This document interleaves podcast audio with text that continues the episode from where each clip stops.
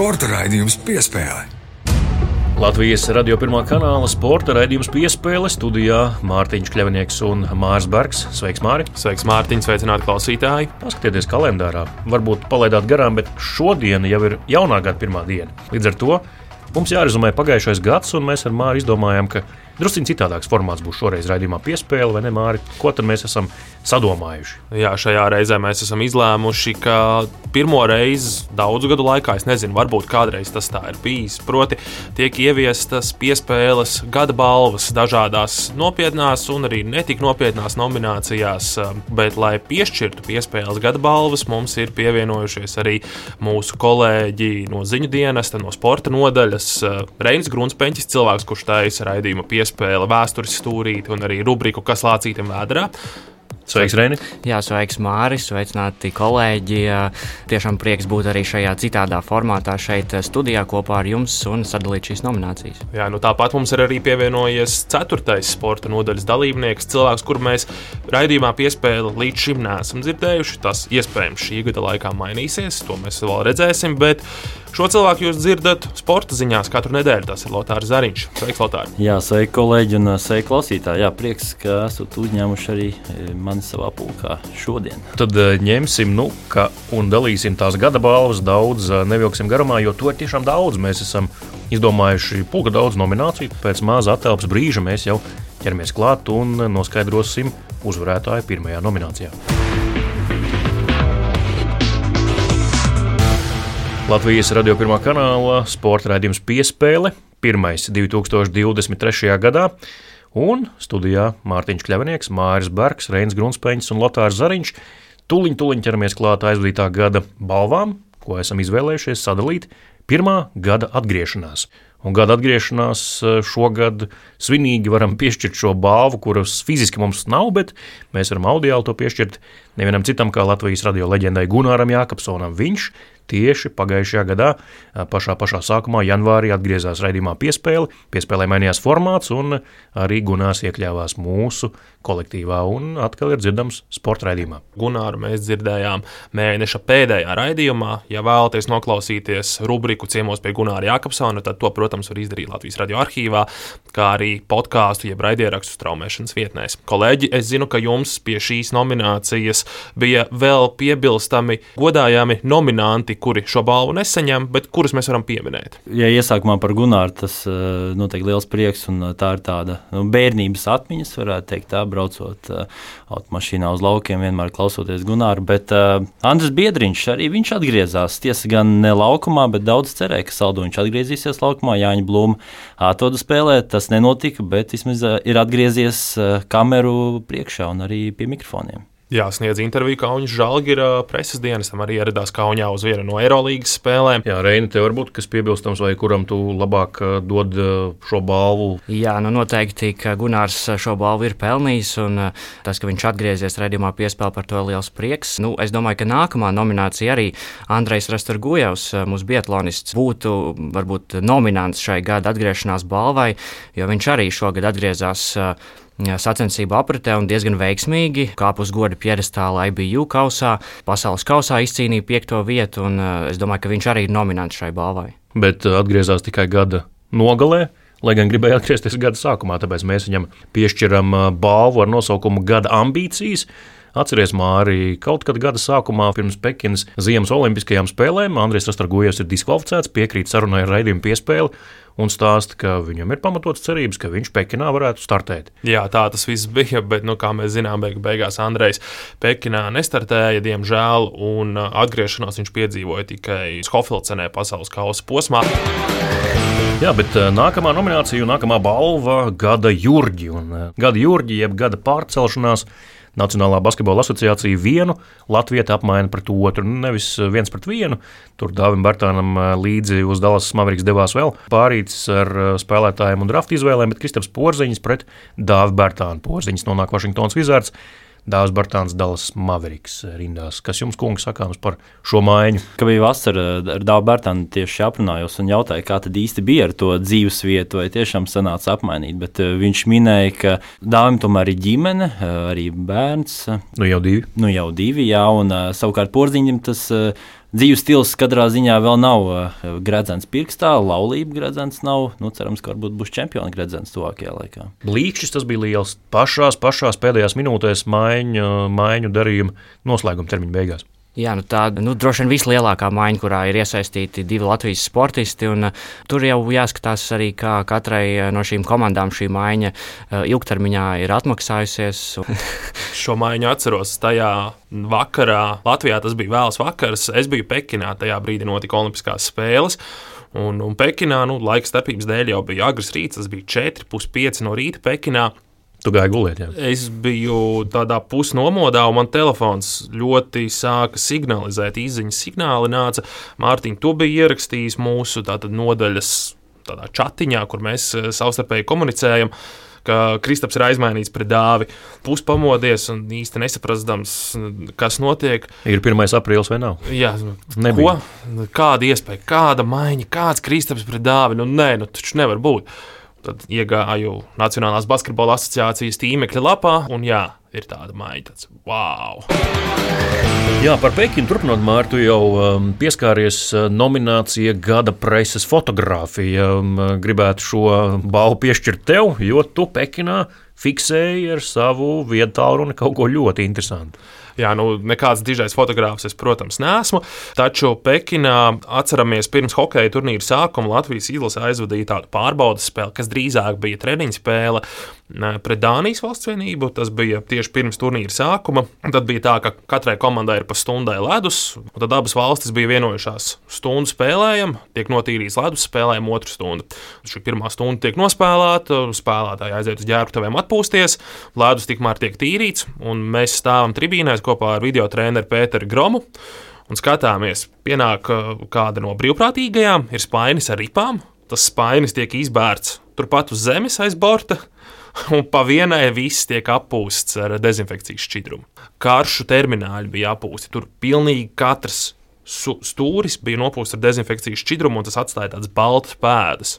Tad es domāju, ka tā fotografija ļoti labi arī raksturo to, kādi bija visi tie um, ierobežošanas uh, pasākumi Pekinas Olimpiskajās spēlēs un kāda tur bija visa tā sistēma. Tas bija smagi. Godīgi sakot, Be, bezjēdzību, jā, vai ne bezjēdzību, bet varbūt drastiskumu un nu, pārspīlējumu. Tur, tur bija daudz absurdu, bet tas būtu atsevišķs stāsts, vesels stāstu vakars par to ir jārīko, kas tur bija un kā tur bija.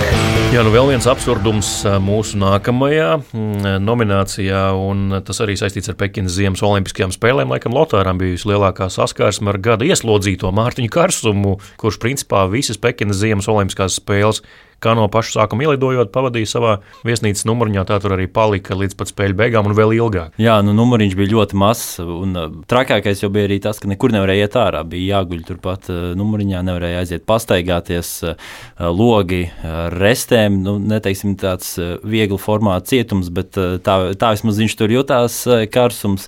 Arī par izklaides iespējām nekādas dižās nebija. Filmas tikai ķīniešu valodā pa televizoru rāda, bezvadu internets ļoti lēns praktiski nezinu, staigā pa sienām, eh, meklēja, ko darīt. Kaut kādus fiziskos vingrinājumus atminos. Viņš arī teica, ka kaut ko darīt, tīri, lai uzturētu sevi formā. Lai, Pavisam nesajūt prātā. Jā, jā lai, lai būtu tas tonus. Eh, bet eh, tagad, skatoties to visu, man liekas, tāda, mm, diezgan smieklīgs tas viss bija. Bet skatoties, kas tagad notiek Ķīnā, laikam. Nu, tā, tā viņi ir pieņēmuši un uh, labprāt darīt. Jā, un tagad viss slūžas Ķīnā pavērts vaļā, un arī Saslimušo ir ļoti daudz, un slimnīcas pārpildīts. Redzēsim, kā tas viss vēl viņiem tur attīstīsies. Piespēle. Jā, nu, nākamā nominācija. Cilvēks, kurš saņem nākamo balvu, mēs viņam varētu veltīt vēl vienu speciālu nomināciju, ja mēs skatāmies uz notikumiem tieši gada pēdējās nedēļās. Gada fēniks mēs varētu piešķirt, bet šāds balvas mums nav. Mēs pasakām, ka kaut kur padomā pakausī bija. Nākamā nominācija mums ir gada mīkstmiesis, un šī godājamā vai netik godājamā drīzāk nominācija pienākas Jurim Savickim, jo arī viņš pēc 24. februāra vēl kādu laiku, diezgan ilgi īstenībā, viņš publiski vilcinājās sniegt jau kādus komentārus par to, vai Rīgas dīnāmo atstās kontinentālo hokeja līgu vai nē. Nu, beig beigās sabiedrības spiediena rezultātā Rīgas dīnāmo arī aizgāja no šīs līgas. 22. februāris es tieši pārskatīju to, ko esmu rakstījis sociālā saziņas vietnē Twitter. Reina, man liekas, tā bija tā diena, kad tu Jurim Savickam zvanīji un aicināji komentēt situāciju, kas varētu notikt tālāk ar Rīgas dīnāmo. Karš vēl nebija oficiāli sācies, ja, tas, ja to tā var saukt, oficiāli sācies. Diezgan cīniski izklausās, bet divas dienas pirms 24. februāra viņš tev nometa klausuli, es atceros. Mēģināju viņam zvanīt un noskaidrot, kādas ir viņa viedoklis par to, un kas varētu notikt ar Rīgas dīnāmo, ja karš sāktos. Un, jā, es viņam uzdevu vienreiz jautā, jautājumu saistībā ar to. Sākumā, protams, es viņam jautāju kādus citus jautājumus, lai viņš vispār piekristu intervijai.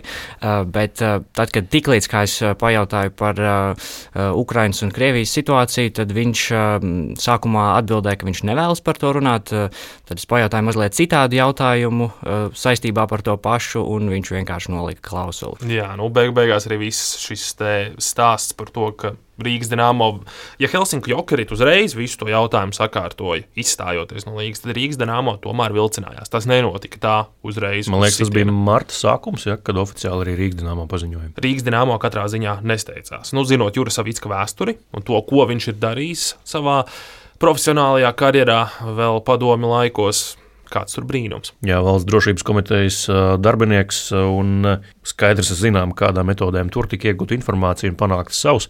Un arī pēc izstāšanās no KHL man šķiet, ka bija kaut kāda intervija vai pie mums, vai kādā citā medijā, kur Savickis pauda, ka Nu, varbūt, ka kaut kad varam arī atgriezties, ja nu viss kaut kā noplūk un beidzas. Tas, tas, man liekas, bija pie mums. Es viņam zvanīju, jā, viņš teica, ka. Redz, var... kā jūs abi esat kaitinājuši Jursavicki pagājušajā gadā. Jā, nu, viņam arī bija tā pārliecība, ka varbūt kaut kur kaut kas varētu būt, iespējams, arī citas valsts čempionātā, bet redzot to, kā šobrīd veicās šai komandai Latvijas čempionātā, tad es domāju, ka liels cerības nevar lolot. Un, nu, tas Dienāmo projekts, jā, viņš, viņam bija pienākus, pienācis brīdis, kad nu, vajadzētu aiziet.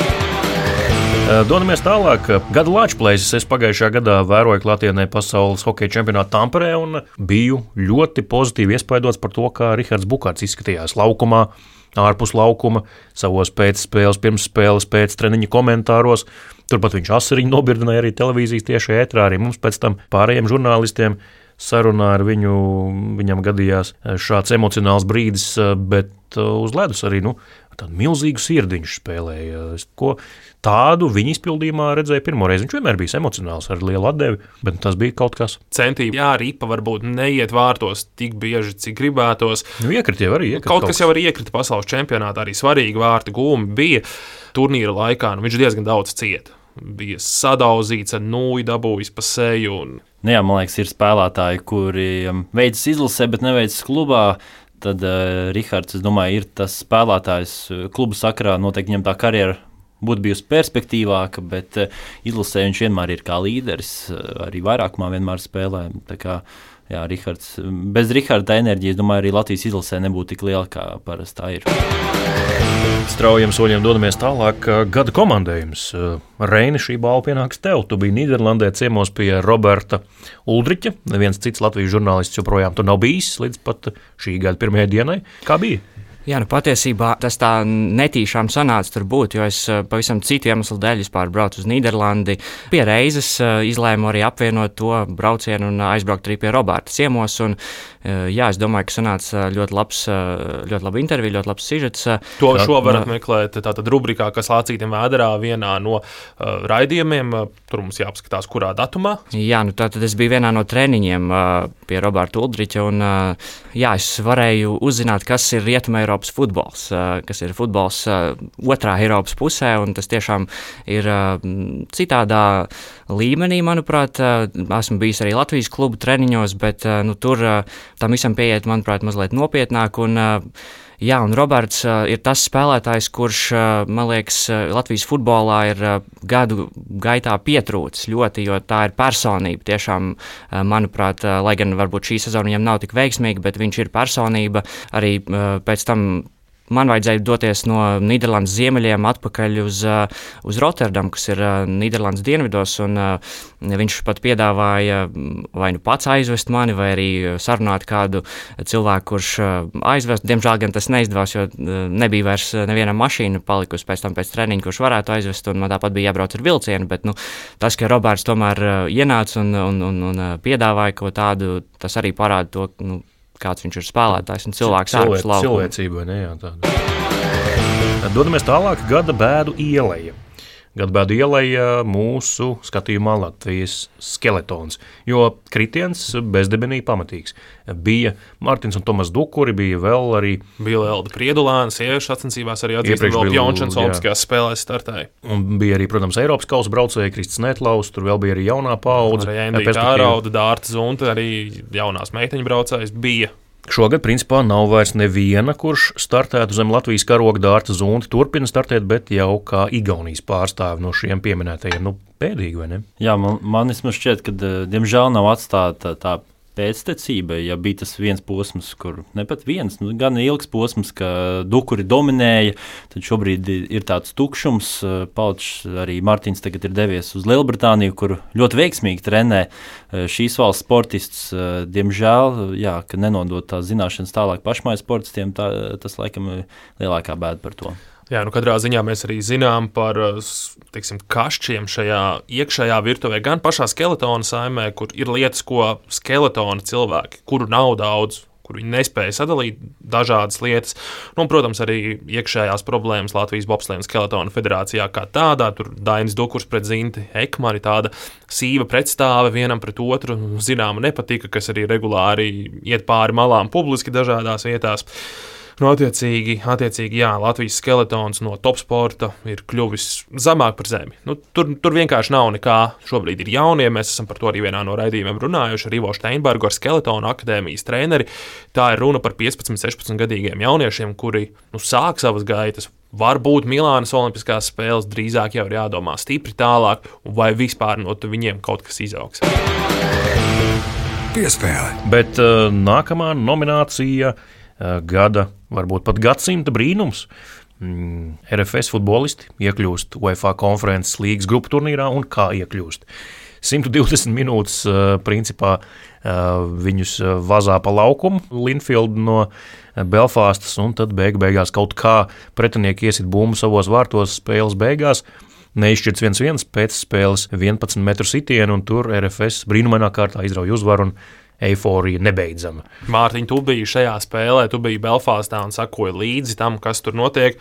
Pastāst vairāk, kā tas viss notika, tur atrodoties stadionā. Es pieņemu, ka Ziemeļīri bija šokā.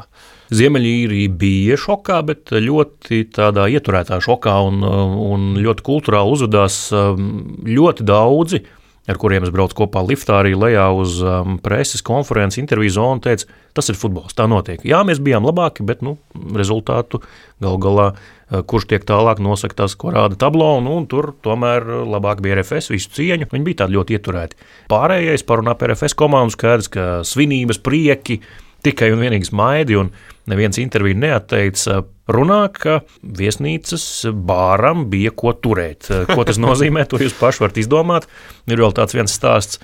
Nu, ko es laikam atklāšu, nu, šis ir jauns gads, varbūt noilgums jau ir. Nesaukšu personāžus, bet viens no RFS futbolistiem citu RFS futbolistu no rīta, 4 no rīta lidostā iestūma ratiņkrēslā. Konkrētais futbolists nevarēja nostāvēt kājās, un komandas biedrs gods kam gods izlīdzēja un aizstūma līdz pat drošības pārbaudas vārdiem. Nu, tur kaut kā tomēr piecēlās kājās un tika laikam tālāk līdz lidmašīnai. Bet nu, visus apskāva šis sēdošais futbolists iepriekš, un visus mīlēja un visiem pateicās. Tā ir komandas spēle. Tieši tā ir. Jā, tā ir. Un, un vieta bija nopelnīta. Gadsimta brīnums ir ne jau pati RFS kvalificēšanās konferences līgai, bet tieši tas, kā Mārtiņš teica, tieši tā, kā tas notika, kādā veidā šī spēle atrisinājās tur Belfāstā. Gada ceļrulis nominācija, kurā mēs balvu dodam Latvijas basketbola izlasē par uzvaru pār Turciju tajā pat dienā, kad RFS iekļuva UEFA konferences līgā. Tā bija skaista spēle. Nu, ko tur daudz teikt? Turki atbrauc labā sastāvā. Šeins Lārkins, viens no labākajiem Eirolandes spēlētājiem. Laba, tiešām ļoti spēcīga komanda. Mums arī labākais sastāvs pretī - Kristaps Porziņš, Dāvis Bartāns. Un kāpēc ceļrulis mūsēji burtiski pārbrauca pāri ļoti spēcīgā sastāvā esošajai Turcijas izlasēji, palaid bumbu groza virzienā, nu tur viss krīt iekšā.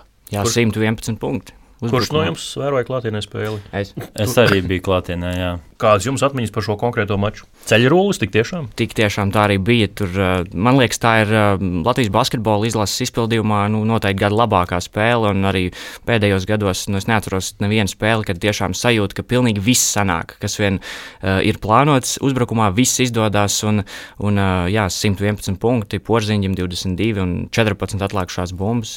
Perfekti. Nu jā, tā bija vismaz man personīgi iespaidīgākā spēle, basketbola spēle, kurās bija klātienē. Bet eh, noteikti arī jāuzteic Luka Banki, komandas izlases galvenais treneris tā nedēļa nebija viegla Latvijas izlases spēlētājiem. Bija diezgan smagi treniņi, un arī tie bija tie augļi, un it īpaši tā atmosfēra, kas valdīja arēnā jau iesildīšanās laikā. Nu, tur var, varēja just to pārliecības līmeni, ka nu, Latvijai ir jāuzvar, un beigās tā arī bija. Jā, tā himnas dziedāšana mm. un pilnās tribīnas arēnā noteikti dzina uz priekšu arī Latvijas izlasi. Jā, un dodoties tālāk, apvienojot šīs iepriekšējās divas nominācijas, gada vai gadsimta brīnumu un arī gada ceļrulli, gada hatrika. Hatrika sportā, komandas sportā ir, ja tu iesit uh, trīs vārtus, gūsti trīs vārtus um, vienas spēles laikā, bet uh, šoreiz uh, trīs uh, ļoti labas lietas vienā dienā Latvijas vēsturē. 25. augusts ir gada hatrika un uh, Nu, mēs jau pieminējām, tātad šis gada eh, ceļrulis, Latvija, Turcija, vakarā RFS Linfield, kur RFS iekļūst grupu turnīrā, un pats pats pirmais notikums jau no kādiem desmitiem rītā es tur Belfastā sekoju tam līdzi tiešsaistē padomju varu slavinošā okupācijas pieminekļa nojaukšana pārdaugā. Skaists brīdis, tieši tas brīdis, kad uh, pieminekļa šī smaile gāzās lejā. Skaisti. To skatīties vēl un vēl. Iespējams, skaistākā diena šogad. Pilnīgi noteikti. Pilnīgi noteikti jā. Gada hatrika piešķiram 20. 5. augustam. Bet gada citātu dosim uh, kādam hokeistam, uh, kas Tāmperē izrunājās. Elvim Mežģīkinam. Jā, atceramies, uh, pats sākums Latvijas īlas ieradusies tātad Tāmperē, pirmie treniņi, sāka iejusties viesnīcā, un Elvis Mežģīkins kopā ar savu labu draugu, bērnības draugu Ronaldu Ķēniņu ir vienā viesnīcas numurā, un tad Elvim sanāca tāds ļoti košs citāts par viņu dzīves apstākļiem savā istabiņā. Droši vien nav jēgas atstāstīt, mēs to tāpat nevarēsim attainot šeit studijā. Lai skan. Viesnīcā es uzskatu, ka tas ir vissudīgākais, kuras esmu bijis savā dzīvē.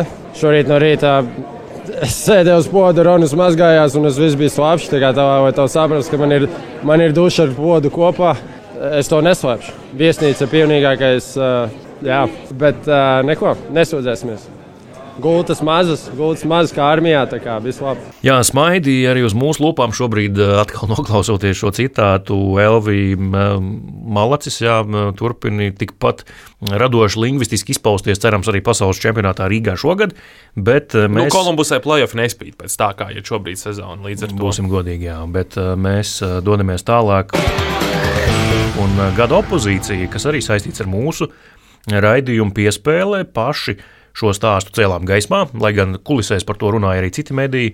Gada opozīcija Denis Čerkovskis grib gāzt Latvijas Peldēšanas federācijas vadību. Nedēļu pirms kongresa aktivizējas, bet kongresa laikā, kad viņam dod vārdu, iespēju kāpt tribīnē, viņš pat nepieceļas no savas sēdvietas. Atceroties to raidījumu, es arī nākamajā raidījumā teicu, ja es šādi būtu runājis savā bakalaura darba aizstāvēšanā, vai vispār augstskolā būtu kaut kā, kaut kā aizstāvējis savas idejas. Tas mūsu diskusijā raidījumā. Jā, tad atceroties to diskusiju, izklausījās bēdīgi. Bez jebkādas argumentācijas, bez konkrētības. Viss ir slikti, viss jāmaina. Viss ir slikti, jā, darīsim. Ko darīsim, kā darīsim, nezinu. Nekādas konkrētības šausim uz visām pusēm, bet ko mēs darīsim? Nekāds. Gada skrandinieki, um, Latvijas hokeja izlases fani.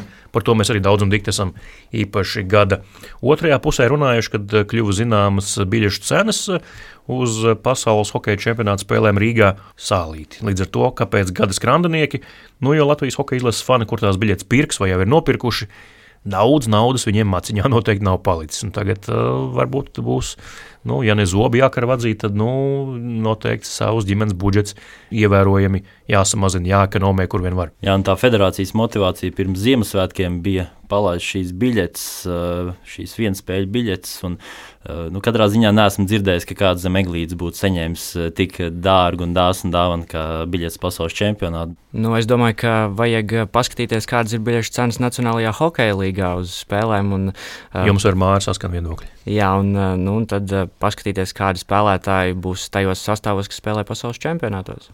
Mēs katrā ziņā arī dzirdējām Mārtiņa ar tevi Edgara Bunča argumentus. Tur nevar salīdzināt. Tas tur ir 41 spēle katrā pilsētā, ir 18, 20 tūkstoši vietīgas halles, un arēna Rīga mums ir divas, trīs reizes mazāka. Un Edmontona maz pilsētiņa, kur nav ko darīt. Nu, ne tikai Edmontona, godīgi sakot, apskatījos biļetes arī, cik maksā Toronto Maple Leafs un Tampa Bay Lightning spēle Toronto kur nekad nav iespējams nopirkt biļetes, kur vienmēr hāla ir izpārdota. Nu, arī cenas uz divām no labākajām austrumu konferences komandām uz, uz spēli, jā, kaut kur augšā, bet bija apmēram tāds pašs kā uz Latvijas spēlēm pasaules čempionātā. Latvija Kanāda joprojām ir 89 un 135 eiro varat uh, dabūt biļetes, ja vēlaties. Slovenija, Kazahstāna tikai 9 eiro. Droši vien, ka labs darījums. Jāpērk. Ķeram ciet. Bet uh, mēs straujojamies savu gada topa noslēgumam. Uh, gada debija. Piespēle. Lotārs no janvāra sāk strādāt Latvijas radio sporta ziņu nodaļā. Lotāra, kāds tev bija pagājušais gads Latvijas radio ziņu dienestā un sporta ziņu kolektīvā? Sporta ziņu kolektīvā bija ļoti labs. Paldies, ka jūs man ļoti omulīgi uzņēmāt. Tiesa gan pats sākums, es neteiktu, ka bija pats veiksmīgākais. Varbūt salīdzinājums kā NHL, kad solo aplis lido un tu uzkāp uz ripas un nokrīti. Nu, man arī līdzīgi bija. Pār... Pirmajā nomaiņā tev iebortēja? jā, jā, ļoti līdzīgi bija tā, bet uh, laika gaitā iespēlējos un uh, jūtos arvien komfortablāk un uh, tiešām ir patīkami. Ja, ja kādreiz uh, braucot bērnībā, domāju, oi, tas gan kā radio strādāt, es nekad nevarētu tā strādāt, tur runāt, un, bet beigās uh, rekā sanāca viss piepildīties. Tas jau nebija vienīgais, man šķiet, ja es pareizi atceros, Belziens tev papīri. Pirmajās darba dienās, jo arī ja par Pekinas Olimpiskajām spēlēm runājām, tur arī bija tāds gadījums, viens nepatīkams vārdos, droši vien nesauks cilvēkus, bet, nu, mm. kad cilvēks, kurš domāja, ka tu viņa teikto esi interpretējis ne tā, kā tas bija domāts, pateica, ka vari vairs nezvanīt un nekad nerunāt ar viņiem. Jā, starp citu, man vēl projām ir šī cilvēka numurs. Ja būs nepieciešamība, noteikti arī zvanīšu. Tu cer, ka mainīsies nostāja. Varbūt aizmirsīs. Es, es domāju, ka aizmirsīsies šim cilvēkam, bet jā, tas arī bija tāds ļoti liels ugunskristības, jo tas arī notika pašā, pašā sākumā un uh, meklēju kļūdu sevī, bet uh, kaut ko noteikti arī atradu, bet uh, domājams, ka abām pusēm mēs esam palikuši tā, nu, ne, ne uz vienas stīgas, uh, varbūt, ja kādreiz dzīvē satiksimies, izrunāsim to, bet uh, visādi pārbaudījumu. Es pat teiktu, ka tas bija labi, ka pašā sākumā vismaz tā ātrāk aprada to vidi. Pēc tam jau aizgāja, kā saka, gludāk, pa, glu, pa gludāku ceļu bija jābrauc. Jā, jā, jā, vairs nebija pa grantnieku jābrauc. Nu, un esam nonākuši pie gada noslēguma, kas arī notika gada beigās. Šis notikums. Šī varētu būt arī visnopietnākā no visām nominācijām, kas ir bijušas līdz šim. Jā, te joks pie malas, jo šis tiešām ir sportiski izcili augstvērtīgs sasniegums, gada lielākais notikums sportā. Un, arī vienam cilvēkam, kuru mēs izcelsim šī notikuma kontekstā, tas viņa karjerā deva nu, pēdējo, ko vien vajadzēja, lai viņu sauktu par visu laiku izcilāko futbolistu. Tas ir Lionels Messi. Viņš kopā ar Argentīnas izlasi 18. decembra vakarā triumfē pasaules kausā futbolā pret Franciju, turklāt pēc spēles uh, sitienu sērijā. Cik tur trūka, lai neuzvarētu? Argentīnu nu, izlaida 2-0. Pēc tam papildu laikā izvirzās vadībā atkal Kilians Bapē, panāk neizšķirtu 3-3 un Kolomuāni papildu laika pēdējās sekundēs, kā arī Digēda Šāms, Francijas galvenais treneris pēc spēles preses konferencēs teica, pasaules kausa bija uz Kolomuāni kājas. Nu, viņš netrāpīja. Emiliano Martīnes tur izglāba dienu, izglāba Lionelu Messi šos centienus, varētu tā teikt. Un pēc tam arī jau svinību laikā Martīnes, argentīniešu vārdsargs, kurš noteikti ir Francijā īstākais cilvēks šobrīd, nu, viņš arī sev uz kājas ikra, uz tās kājas ikra ir uztetuvējis šo momentu un pasaules kausu, kā viņš izglāba šo situāciju. Bet tas spēles sākums vismaz man personīgi likās eh, garlaicīgs tieši no Francijas puses, jo es vairāk jūtu līdzi viņiem. Man liekas, nu nevar būt, ka fināls būs nu, tik neinteresants tieši no Francijas puses, un beigās tā dramaturgija izvērtās tāda, ka es pieņemu, ka pēc gadiem būs arī kāda filma, varbūt varēsim redzēt. Daudz, daudz to sauc jā, arī manā paziņu lokā un tajā informācijas tā sauktajā burbulī par visu laiku labāko futbola spēli, ko vien viņi ir redzējuši. Noteikti klasika nebija klasiskais fināla scenārijs, kur ir 1-0, 2-1, kur kāds ātri iesit un tad spēlē visu spēli no aizsardzības. Reini, tu biji par Messi un Argentīnu pirms turnīra. Godīgi, tikai godīgi. Nē, pirms, patiesībā pirms turnīra visu savu dzīvi vairāk esmu bijis Cristiano Ronaldo fans eh, šajā te mm. uh, GOAT, uh, jeb visu laiku labākā spēlētāja debatē. Bet, Greatest of all time, angliskajā visu laiku labākais. Tā, jā, tulkojumā. tieši tā, bet nu, šis turnīrs arī man ir, manu viedokli ir mainījis šajā jautājumā, un nu, Messi nenoliedzami ir labāks par Ronaldu, jo viņam ir šīs pasaules kausas iegūts, un Ronaldu nav. Paldies, eh, kolēģi, par eh, šo balvu sadali, bet mēs nepazūdam no studijas. Piespēle. Studijā Mārtiņš Kļavnieks, Māris Bergs, Reins Grunsteins un Lotārs Zariņš um, ieskicējam šo gadu eh, sportā, pasaules sportā un arī Latvijas sportā. Ar ko tad sāksim, kungi? Kas varētu būt tāds viens milzīgs notikums, kam latvieši varētu sekot līdzi šajā gadā. Es domāju, šeit vispār nevar būt diskusija, kas būs galvenais sporta notikums vismaz latviešu faniem. Pasaules čempionāts skeletonā. Jā, arī Sanktmoricā. Sanktmoricā tiešām skaisti vieta, ja ir laiks un iespēja noteikti iesaka aizbraukt, bet pasaules kausa basketbolā, lai man tagad piedod visi hokeja fani, arī man pašam sirds sāp, bet uh, pasaules kausa basketbolā skaidrs, ka ir daudz, daudz lielāks notikums nekā pasaules čempionāts hokejā Rīgā. Latvijas izlase vīriešu izlase pirmo reizi vēsturē ir kvalificējusies. Nu, dāmas jau var neaizmirsīsim, vai ne? Ja kungi pasaules kausā spēlēs 25. augustā, sāks un finišēs eh, septembra pirmajā dekādē, tad eh, savukārt dāmas eh, īsi pirms jāņem sāks Eiropas čempionātu. Jā, dāmas arī itin pārliecinoši galu galā kvalificējās Eiropas čempionāta fināla turnīram grupā ar Zviedriju un Izrēlu. Darbiņš tika padarīts, un tagad mēs varam atcerēties, kas notika 2021. gada sākumā, kad likās, ka Latvijas basketbolam vairs nav kur zemāk krist. Vīriešu izlase nekvalificējās, sieviešu izlase nekvalificējās. Kas nu tagad būs? Beig beigās tagad mēs esam tādā eiforijā par basketbolu diezgan ātri rehabilitējās. Jā, un acīm redzot, pareizos secinājumus izdarīja Latvijas Basketbola Savienības vadība. Nulīgi jaunus galvenos trenerus abām izlasēm un Šeku Reku. Abi šie speciālisti izpildīja savu uzdevumu, aizved uz fināla turnīriem komandas. Bet nu, Lotārijā Jēzus Zirdziņš hokejs, protams, arī nekur nepazudīs. Laikam gadu laikā tās cerības visu laiku ir, bet eh, šogad eh, tās cerības vismaz man personīgi vairs nav tik lielas. Atminoties arī 2006. gadu, kad Latvijas izlasē bija nu, liels cerības par to, ka čempionāts notiek mājās pie pašu tribīnēm, bet nu, spilgtākais laikam notikums ir 0-11 no tā čempionāta, netikšana playoffā. Es liels cerības neloloju, bet ļoti ceru, ka tomēr fani būs tribīnēs būs vairāk latviešu fani nekā čehi. Jo, nekā šveicieši. Jā, nu, kuri arī atzinuši, ka biļets ir pārāk dārgs. Arī, jā, jā, būs liels svētki.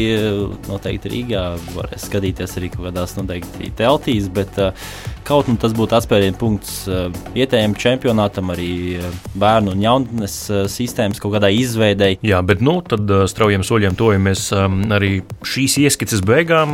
Mēs runājam par RFS daudz un kā viņi iekļuva no FA konferences līnijas grupu turnīrā pirmo reizi. Kāds Latvijas klubs iekļuva starptautiskā turnīra grupā pēc 13 gadu pārtraukuma, vai šogad varētu būt kāds sekotājs? Jo ambīcijas, protams, būs gan Valmierai, gan arī Audai, protams, tam pašam RFS un arī Rigai. Vai izdosies? Es tur īkšķi par Valmieru. Pateicīgākais scenārijs ir Valmierai. Jā, šis čempions Zars, pa kuru arī RFS uzkāpa tajā galotnē, un nu, varbūt izdodas. Valmierai, jebkurā gadījumā, viņiem būs divas iespējas. Viņiem būs tāda vispirms Champions League kvalifikācija, pēc tam, ja Champions League kvalifikācijā neizdodas, tad vēl nokrīt uz leju uz konferences līnijas kvalifikāciju. Tieši tā notika arī ar RFS aizvadītajā vasarā. Es ceru uz Valmieru, es tiešām ceru uz Valmieru un uz to, ka tā komanda saglabās savu sastāvu. Būs kaut kāda stabilitāte un pēctecība. Jā, Rihards Matrivits ir no turienes jau prom. Pamat vārdsargs. Tas nav labi. Valmierai jau kā Raimons Krols arī būs prom. Arī ļoti iespējams. Droši vien, droši vien arī Karls Smēne būs prom no turienes. Līdz ar to Valmierai būs jādomā. Es domāju, ja kāds tiks, tad tas būs vai no FC Rīga vai no RFS klubs. Jā, un e, mūsu pēdējais e, izvēlētais notikums šogad pasaules sportā. E, liels notikums, tik tiešām iespējams viens no lielākajiem vispār pasaules sportā šajā gadā - pasaules kausa regbijā. Reini, tu laikam vairāk varētu par to pastāstīt. Nu, gadā, kad nav Olimpiskās spēles vai pasaules kausa futbolā, tad nu, jā, regbijs ir viens no lielākajiem, ja ne vislielākais notikums. Viens no visskatītākajiem sporta pasākumiem katru četru gadi, jā, tātad aiz vasaras Olimpiskajām spēlēm, aiz pasaules kausa futbolā. Viens no lielākajiem. Es katrā ziņā vienmēr izbaudu, ka Latvijas televīzijā tiek translētas regbijas pasaules kausa spēles. Tiešām ļoti baudām šīs pārraides gan ar kvalitatīviem un kompetentiem komentētājiem, gan arī vispār tas, kā tiek režisētas regbija pārraides, kad dzirdi, kā tiesnesis sarunājas ar spēlētājiem. Visas šīs mazās nianses ir tiešām ļoti interesanti. Galu galā tāds huligānu sporta veids, kas ir izteikti džentlmenisks. Bet cik nozīmīgs ir šis sporta veids, noteikti arī parādīja pērnā gada Regbija federācijas prezidenta vēlēšanas, cik reizes nācās šīs vēlēšanas pārlikt. Beigās, jā, beigās tik pie prezidenta. Kā, nu, nozīmīgs. Kārli, Kārlis Vēns cīnījās, cīnījās un aizcīnījās līdz tam Latvijas Regbija federācijas prezidenta titulam. Tāds lūk, šis gads, kurš nu, tikai ir sācies, pirmā diena, ir mūsu skatījumā sportā. Būs precīzāk, un cerams, ka nu, atradīsiet, kam sekot līdzi. Katrs no jums, mēs savukārt pēc mazas attēlpas vēl uz brīdi atgriežamies raidījumā piespēlē.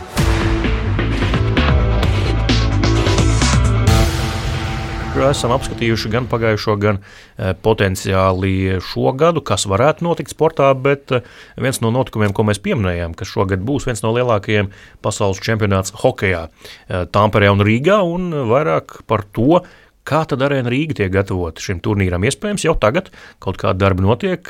Vairāk pastāstīs orga komitejas vadītājs Edgars Buncis, tas mūsu tradicionālajā raidījuma rubrikā. Kas lācītim vēderā? Apjoms, protams, ir tas ir mazāks nekā 21. gadā. Un, un, Pirmkārt, jāņem vērā, ka arēnā Rīga gadu aptuveni nebūs spēlēts hokejs. Tas nemaina lietas būtību. Ja mēs skatāmies no vēsturiskā, tad, tad arēna ir 15 gadus dien dienā operējusi ar ledu. Un, un iekārtas ir uz vietas, un tās tiek uh, apkoptas. Cilvēki ir gatavi. Pat uh, vakardien man bija saruna ar Arēnu Rīgu direktoru, un mēs gatavojamies, un šeit es absolūti nekādas problēmas neredzu. Protams, ka teiksim, tādam lielam pasākumam pietrūkst telpu, kas ir pietiekami objektīvi un ļoti, ļoti maz pasaulē kopumā ir tāda arēna, kas var paņemt astoņas hokeja komandas, nodrošināt lielu mediju centru, nodrošināt visus nepieciešamos oficius, kas ir jā, saistīti ar organizatoriskiem jautājumiem. Līdz ar to teiksim, tā pie arēnas veidosies organizatoru savu veidu pilsētiņu Ar pamatā tie būs konteineru risinājumi, telšu risinājumi, kur attiecīgi izvietojās gan mēs kā organizatori, gan sportisti atsevišķi, gan medicīnas pakalpojumi, gan infrons ar saviem mārketinga dažādiem liet, dažādām lietām, gan laukumu sakopšanas iekārtas un materiāli un, un škodas cilvēki, kas tomēr ir lielākais sponsors no savām aktivitātēm fanu zonā. Un, protams, ka šī čempionāta specifika un ļoti liels pluss ir tas, ka mēs arēnas teritorijā varam ierīkot pietiekami plašu fanu zonu. Šodien no rīta pie mums bija ciemos arī Tampērs kolēģi, un viņi saka, nu, teiksim, Tampērs pilsētas gadījumā arēna atrodas pašā centrā, un, un ar šīm pieejamām platībām viņiem pietiekami sarežģīti, un, un, un tas viss atrodas netālu, bet tomēr ir jāiet no arēnas. Jo Tampērs arēna, es tur biju šogad, nu jā, ir iebūvēta starp daudzām citām ēkām, un tur tiešām apkārt nekā nav. Tieši tā, un, un tā ir mūsu tāda priekšrocība, kur mēs varam teritoriju pielāgot visām tām vajadzībām, kas ir vajadzīgas čempionāta laikā. Ja jūs sakat, vai kaut kas tāds ekstraordinārs, droši vien, ka nē, atšķirība varbūt no 21. gada kā jūs minējāt, Olimpiskā centra nēsamība pilnā apjomā, jo Olimpisko centru mēs izmantosim tikai daļai atsevišķām funkcijām, kā lielais medicēnis atradīsies Olimpiskajā centrā un akreditācijas centrs, tādas nelielas funkcijas, lai, lai nodrošinātu pašu čempionātu. Varbūt treniņu hali, Treniņu hali Daugavā mm. esam arī tikušies un vienojušies ar Daugavas Ledus hali. No esošiem diviem laukumiem izmantosim vienu, jo tās tikai astoņas komandas, līdz ar to treniņu grafiku mēs varam salāgot uz vienu laukumu, un tas nerada problēmas. Praktiskā atšķirība ir tikai tā, ka komandas dzīvos nevis vienā viesnīcā visas astoņas, bet bet uh, dažādās viesnīcās kopā kā organizatori mēs pilsētā izmantosim piecas dažādas viesnīcas uh, gan komandām, gan attiecīgi tiesnešiem un pārstāvjiem un IHF un Infrontam. Līdz ar to pietiekami plašā teritorijā tiks izvietot čempionāta dalībnieki. Latvijas radio pirmais kanāls, sporta raidījums piespēle. Studijā Mārtiņš Kļavnieks, Māris Bergs, Reinis Grunspeņš un Lotārs Zariņš. Paldies, kungi, ka bijāt kopā ar mums. Divreiz vairāk vadītāju šoreiz raidījumam nekā ierasts, kas zina, varbūt šis formāts šogad vēl kādreiz atgriezīsies pie jums. Nesakām, ka tā nebūs, bet pagaidām liekam punktu un paldies jums, ka piedalījāties un padalījāties ar savām domām. Jā, paldies, ka uzņēmāt. Paldies! Jā, visa Latvijas rādio sporta ziņu komanda pirmoreiz, manuprāt, vienā studijā pie mikrofoniem. Kungi, paldies, ka atnācāt, bet mēs, klausītāji, ar jums būsim kopā atkal jau pēc nedēļas. Visu labu! Visu labu. Sporta raidījums piespēlē.